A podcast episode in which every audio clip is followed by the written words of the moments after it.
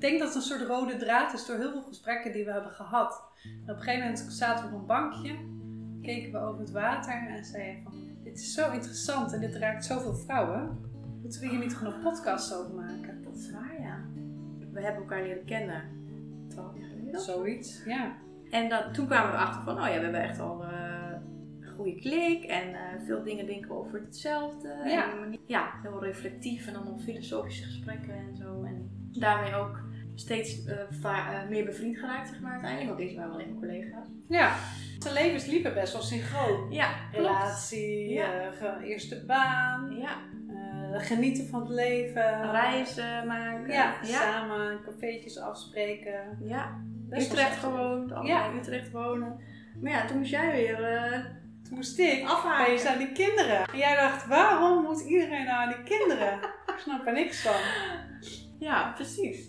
Ja, ik vind dat gewoon heel, heel boeiend. Want als je zelf dus er bewust voor kiest om dat niet te doen, om geen gezin te stichten, dan heb je eigenlijk het, soms het gevoel van ja, ik, ik blijf doen wat ik doe, maar iedereen om me heen gaat, gaat eh, Gaat voor een of andere destructieve keuze.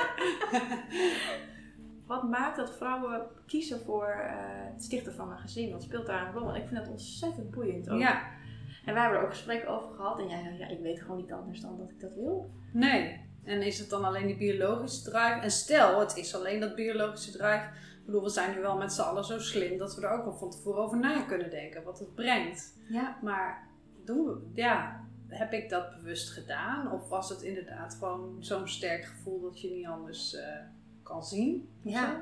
Maar ik denk dan wel, goed, hoe is dat dan bij andere vrouwen? Hoe komen ze tot die keuze? En wat, wat speelt dan een rol? En, en mensen die twijfelen of, of eh, die überhaupt niet de keuze hebben. Hè? Want dat vind ik ook een hele, hele lastige en belangrijke.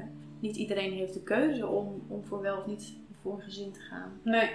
En dat is wel iets waarvan ik denk, ja, leuk. Wel of geen kinderen, maar dat is niet een... eh, Nee, het is niet een eh, gegeven voor nee, iedereen. precies. Nee. nee. Kijk, je maakt eerst natuurlijk wel de keuze of je het wel of niet. En dan vervolgens kom je er dan achter of het wel of niet ook, ook kan en lukt. We, we willen niet pretenderen dat, eh, dat je kinderen krijgt of zo, of neemt. Nee. Of dat het een soort van maakbaarheid is, want Nee. dat leren we natuurlijk ook wel. we- aan de ene kant lijkt het wel alsof alles tegenwoordig maakbaar is, maar in dit soort situaties is het natuurlijk helemaal niet zo. Nee.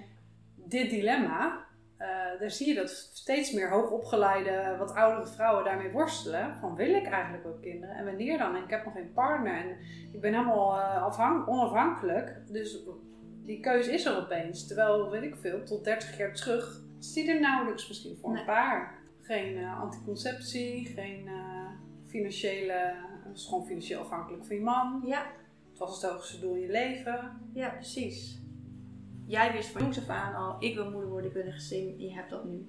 Ik wist van jongs af aan, voor mij niet en ik heb het niet. En daartussen zit een hele wereld aan verschillende verhalen van vrouwen die, die twijfelen of die ehm, een partner hebben die het niet wil of die eh, het spannend vinden om er niet voor te gaan omdat ze bang zijn dat ze iets missen of nou ja, allerlei verschillende nuances.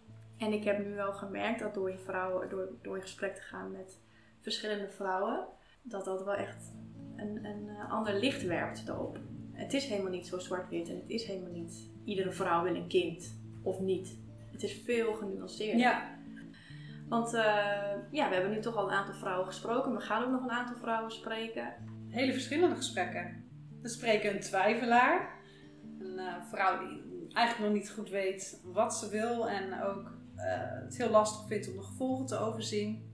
En ik heb ook iemand gesproken die eigenlijk beide uitkomsten voor zich ziet. Dus die zowel zichzelf als moeder zou kunnen zien als niet. Ja, en, en we hebben iemand gesproken die moeder is, maar die het plaatje dat ze ervan had eh, van tevoren totaal anders was dan hoe het uiteindelijk was. En dat ik ook wel echt heel pittig vind. En wij willen ook heel graag eh, nog meer vrouwen spreken. Dus als jij zelf graag je verhaal wilt doen en je denkt, nou, dat, eh, daar wil ik graag aan bijdragen, dan horen we dat heel graag, want dat zouden we heel leuk vinden. Ja. Volgende week staat de eerste aflevering online. En dat is de aflevering waarin ik Hester interview over haar keuze. Blijf op de hoogte en volg ons op Instagram en Facebook. Tot volgende week!